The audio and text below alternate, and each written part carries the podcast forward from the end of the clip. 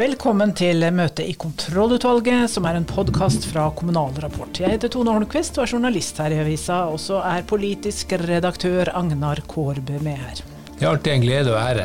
Vi starter med Arbeiderpartiets landsmøte og et intervju med kommunalkomiteens leder Lene Vågslid om eh, politiske saker, ikke personkonflikter. Også i vår runde med intervjuer med politiske redaktører i lokale og regionale aviser er vi altså kommet til Nordlys og Skjalg Fjellheim, som skal lære oss litt om den politiske situasjonen i Tromsø og Troms og Finnmark. Der kan det skje veldig store omveltninger. Lokalpolitikken er ofte prega av litt godt voksne mennesker, så vi tenkte vi skulle ta en prat med en ung listetopp, 23 år gamle Simen Roterud fra Nes på Romerike. Han er varaordfører og representerer Senterpartiet. Han er listetopp. Til eventuelt skal vi høre om et litt eh, uheldig utslag av universell utforming i Eidsvoll eh, kommune. Det skal vi. Hva sier du, er dagsordenen godkjent? Det er den. Vi kjører i vei. Torsdag starter eh, Arbeiderpartiets landsmøte, og det har jo vært mye diskusjon i forkant om personer, men det handler jo om politikk. Og da spør vi deg, Lene Vågslid, du skal på møte og landsmøte, og du er leder av kommunalkomiteen på Stortinget. Hvilke kommunalpolitiske diskusjoner skal dere ha på landsmøtet? Ja, De blir det mange av, siden vi er i et kommunevalgår. Og jeg er ganske sikker på at eh, delegatene, som er ordførerkandidater og listekandidater fra hele landet, kommer til å ha mange innlegg som eh, handler om forventninger til Arbeiderpartiet i regjering. Særlig eh, at eh, vi er nødt til å ha politikk for demografiutfordringene bestandig. Det er kanskje den største utfordringen som jeg opplever ordførere fra nord til sør tar opp både med oss i Stortinget, men òg kommer til å snakke om på landsmøtet. Jeg har lest alle forslagene som er kommet inn. Det er altså nesten 500 sider med en haug med forslag fra ulike fylkesparti og um, lokalparti. Eller fra lokalpartiet så har det vært gjennom fylkeskverna, og så går det inn. og så eh, har du, eh, Jeg ser at her er det veldig mye som angår, eh, handler om ressurskrevende tjenester, om boligsosial politikk, om sosialpolitikk, om som du sier, demografi, distriktsutvikling, litt om storby, litt om energi. Men er det noen ting du har lagt merke til som du tenker kan bli litt trøkk i debatten? Ja, altså jeg tror det kommer til å bli mye debatt om det som preger folk flest i hverdagen nå, og det er dyrtida. Det er at vi står i en situasjon med sterk inflasjon. Og da er jo eh, debatten om både arbeidslinja og sosialpolitikken noe som har engasjert i veldig, veldig mange kommunepartier. Eh, og Det er en viktig debatt for Arbeiderpartiet å ta. Eh, jeg er jo en sterk forsvarer av arbeidslinja, men at vi får debatter om ytelser og sosialpolitikk, det, det, ser veldig klart ut ut fra det som er kommet fra kommunepartiene. Og det må vi diskutere, eh, for vi er i en tid som er veldig krevende for mange. Både med sterk prisvekst og inflasjon. Og her kan det være litt ulike syn, tror jeg, på hva som er den rette linja. Det er en krevende situasjon for mange, men det er også en krevende situasjon for Arbeiderpartiet. Hvordan skal dere komme på offensiven i lokalvalgkampen? Jeg vil si vi allerede er veldig godt på offensiven i mange kommuner. Eh, og jeg er helt sikker på at nå, som tidligere, så vinner vi valg i kommunene gjennom de lokale programmene. Der vi har gode kandidater som er opptatt av gode løsninger for sin kommune.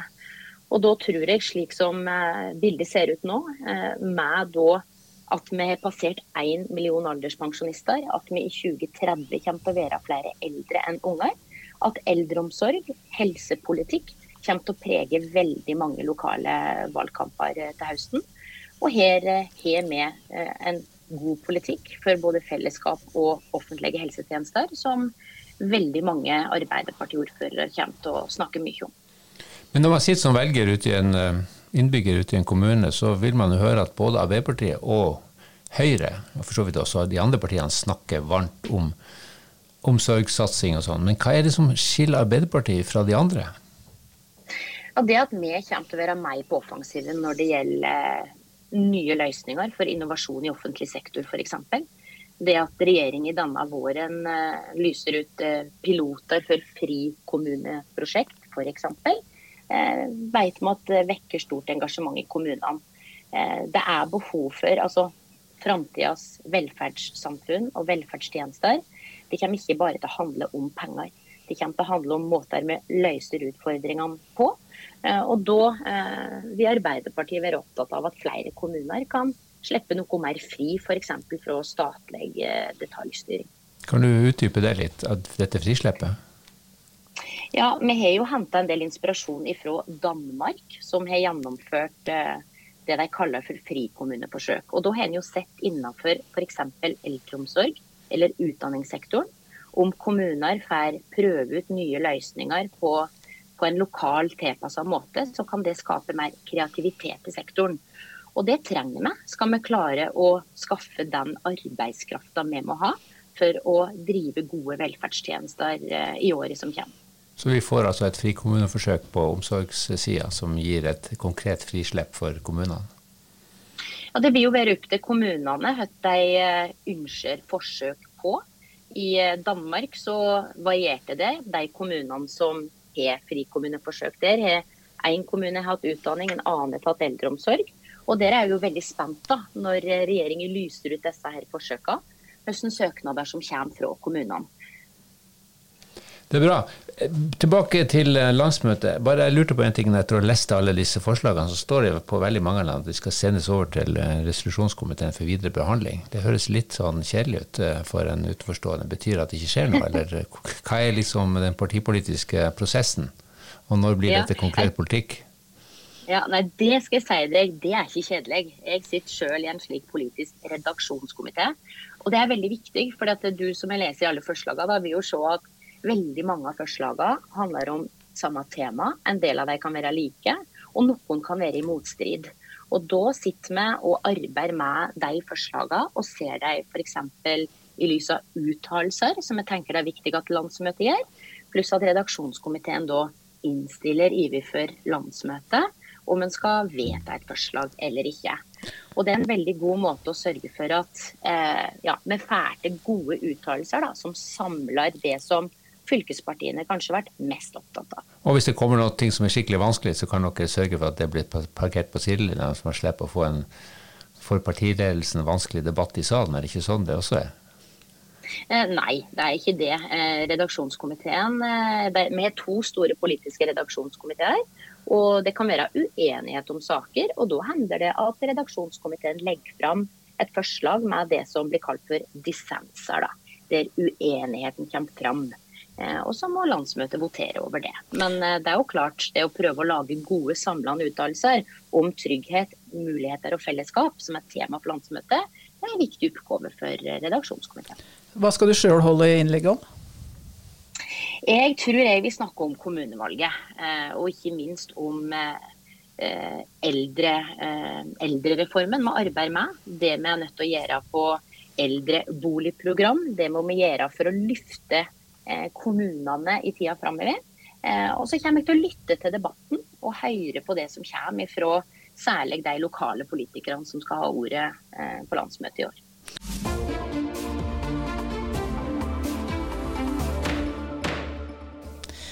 Vi skal nordover til eh, Tromsø, til Skjalg Fjellheim, som er politisk redaktør i Nordlys. Og vi spør eh, først, Skjalge, Er det noe tvil om hvem som vinner eh, Tromsø by? Du, det er et veldig åpent valg. Gunnar Wilhelmsen fra Arbeiderpartiet, som er ordfører i dag, har gjort det ganske bra på lokale meningsmålinger. Så han står egentlig ganske sterkt, men han rammes også av den generelle nedgangen til Arbeiderpartiet nasjonalt. Og selvfølgelig så får Høyre og Anne Berit Figenschou, som er ordførerkandidat for Høyre, oppdrift av at Høyre gjør det bra på nasjonale målinger. Så det er et veldig åpent og, og uforutsigbart eh, valg i Tromsø vi står overfor. Er det noen partipolitiske småjokere i partiet i, i, valget der som kan forrykke balansen mellom blokkene? Ja, det som jo er interessant eh, er Senterpartiet. Senterpartiet gjorde et veldig godt valg i Tromsø for fire år siden. De fikk inn seks mandater i bystyret. Det har de aldri tidligere hatt. Nå er jo partiet tilbake på sitt hva skal vi si, normale nivå i, i en by som Tromsø. og får sannsynligvis inn bare ja, ett eller kanskje to mandater. Og det er et åpent spørsmål om Senterpartiet kan komme til å bytte side fra rød-grønn til borgerlig. Det skyldes bl.a. en komplisert sak med innføring av bompenger i Tromsø, som har blitt dårlig mottatt av distriktsvelgerne i kommunen.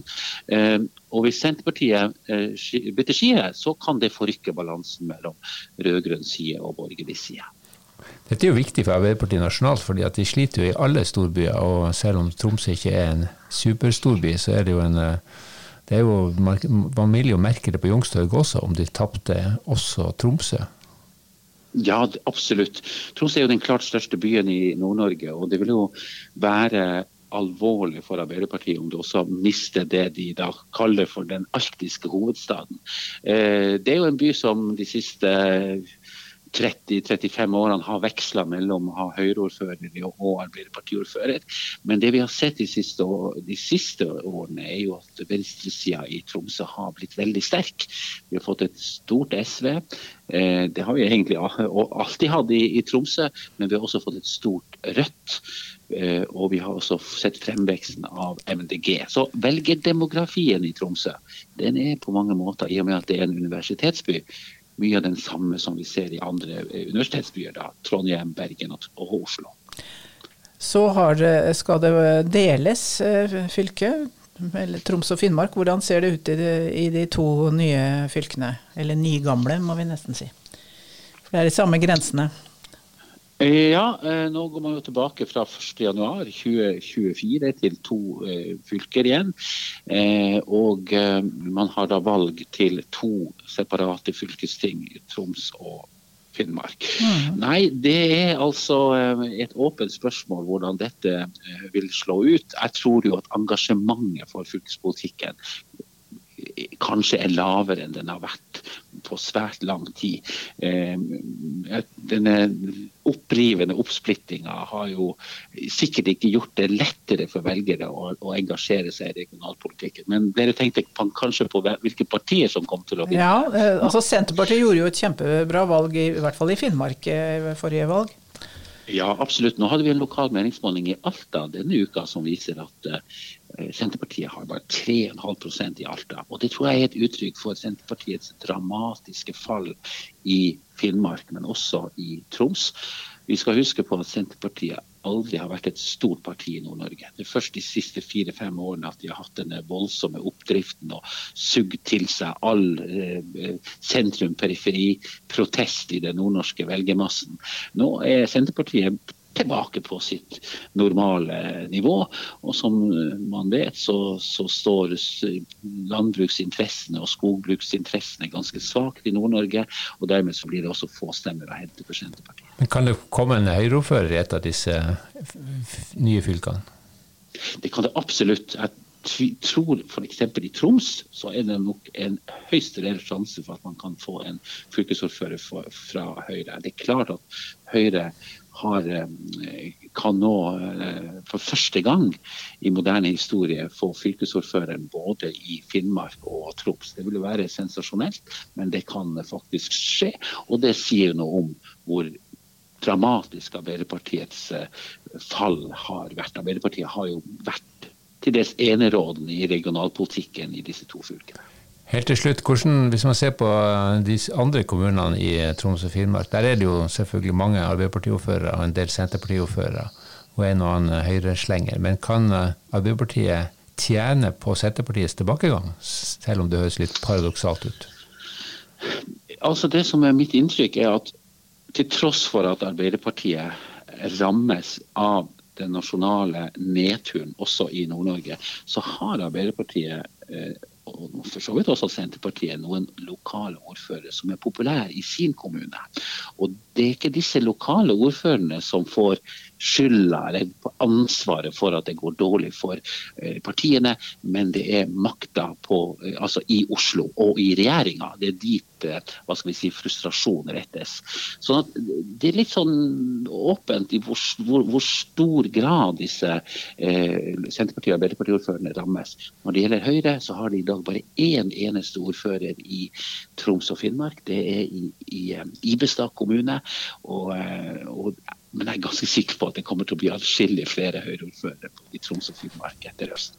Skjalg Fjellheim, du får ha takk for praten, så ser vi fram til et spennende valg i nord. Takk skal dere ha.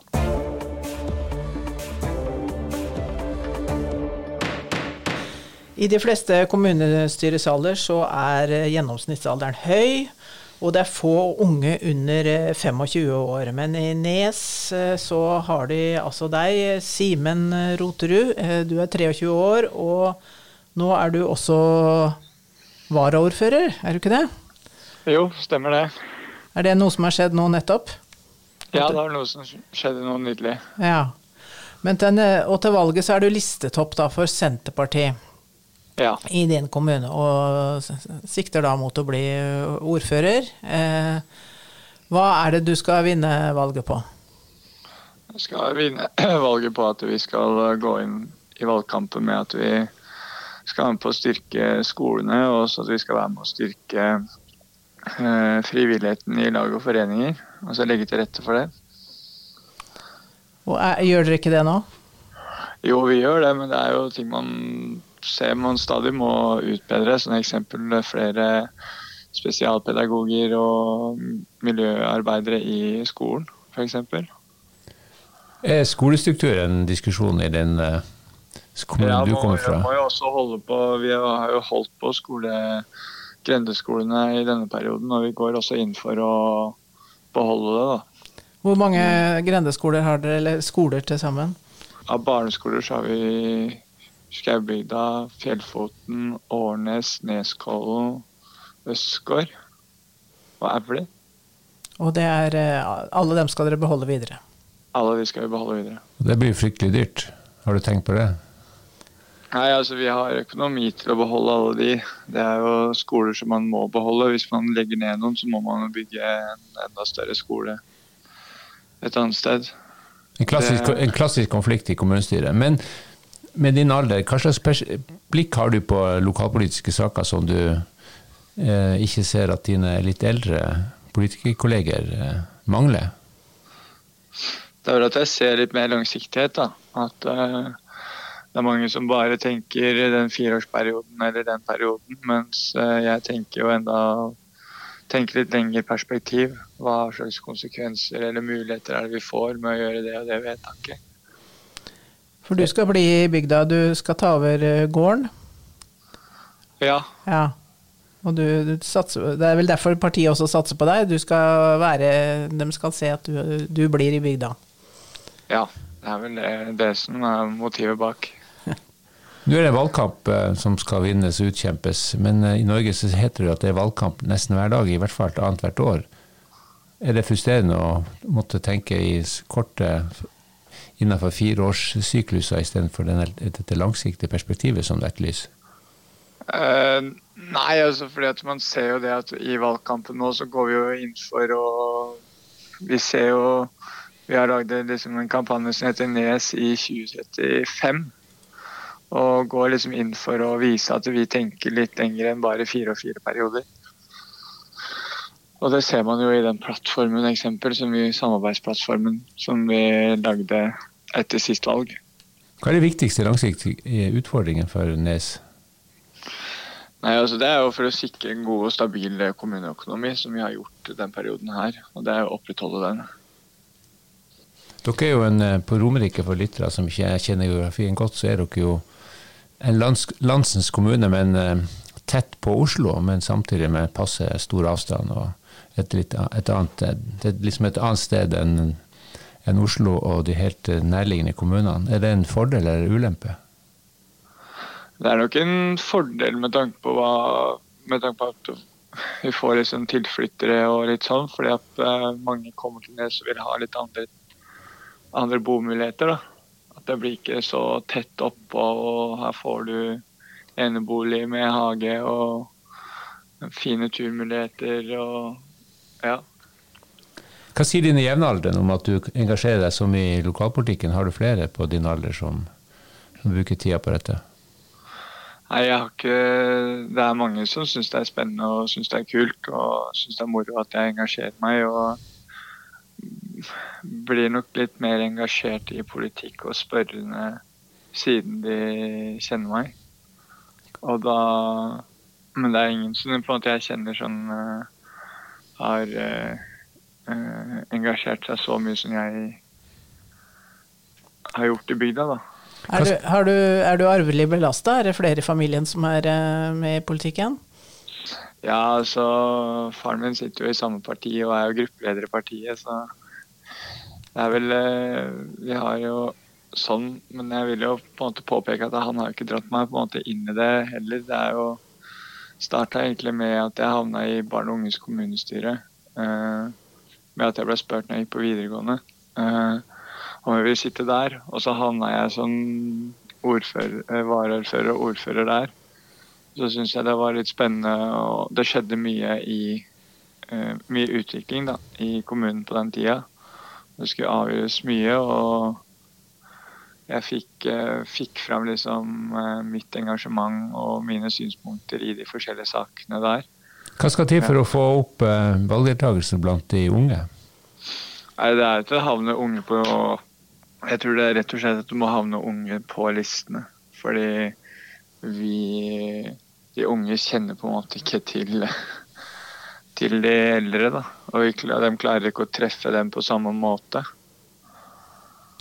Og, og, samtidig så føler nok kanskje mange av de unge at uh, det har ikke helt, Mange unge har kanskje ikke helt klart å få tilhørigheten til hjemstedet sitt eller der de, der de bor. da. Men nå har de fått et, uh, en talsperson i deg. Lykke til i valget til høsten, uh, Simen. Jo, takk.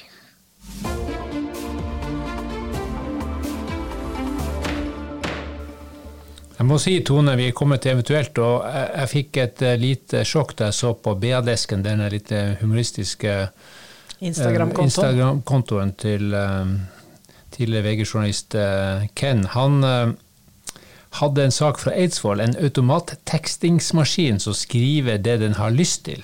Du har sjekka det? Ja, altså Eidsvoll eh, legger til rette sånn at mennesker med hørsels, eh, nedsatt hørsel da, skal kunne følge med på, på politiske møter på nett. Og ved å tekste sendingene da, med automatteksting. Det er bra.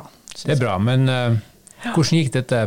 Ja, altså det, det, var et formannskapsmøte med alminnelige, trauste saker på programmet, og plutselig ble det veldig underholdende. Da. Så morsomt at det gikk viralt, som det heter, på diverse humorsider. Eh, hva var det, hva det, det, kom, det, kom jo opp, det kom jo opp tekst eh, som eh, f.eks.: Den sirkelrunde hora. Sexklubb plutselig. Er dette, Nå sto dette på sakskartet? Det, det gjorde det ikke, nei. Med eller uten bukse nå igjen. Så du vet, Og sånne rare setninger som dukka opp som ikke hang sammen i det hele tatt. Det høres ut som et eh, veldig uparlamentarisk og uformannskapsmessig språkbruk. Kanskje bra for ser og lyttertallene til formannskapsmøtet, men dette er vel ikke helt innafor? Nei, det, altså det, ble jo tatt ned med en gang. Men uh, mange hadde mye moro hadde en liten stund, i hvert fall. Så, men det er en god idé å tekste, så vi må vel si at vi oppfordrer dem bare til å prøve igjen med noen som faktisk tekster og ikke finner på ting sjøl. Dette er jo basert på kunstig intelligens, og den ja. er jo viktig å understreke kunstig intelligens er kunstig, ikke så smart som oss. Nei. Men uh, de får, skal ha for å forsøke, og så må vi ta litt underholdning med på kjøpet. Det må vi. Da hever vi kontrollutvalgets møte. Vi minner våre kvalifiserte lyttere om at de må også følge med på vår nettavis og hva som skrives der. Denne sendinga var laga av Agnar Korbe og Tone Holquist. Britt Sofie Hestvik er ansvarlig redaktør. Vi høres neste uke.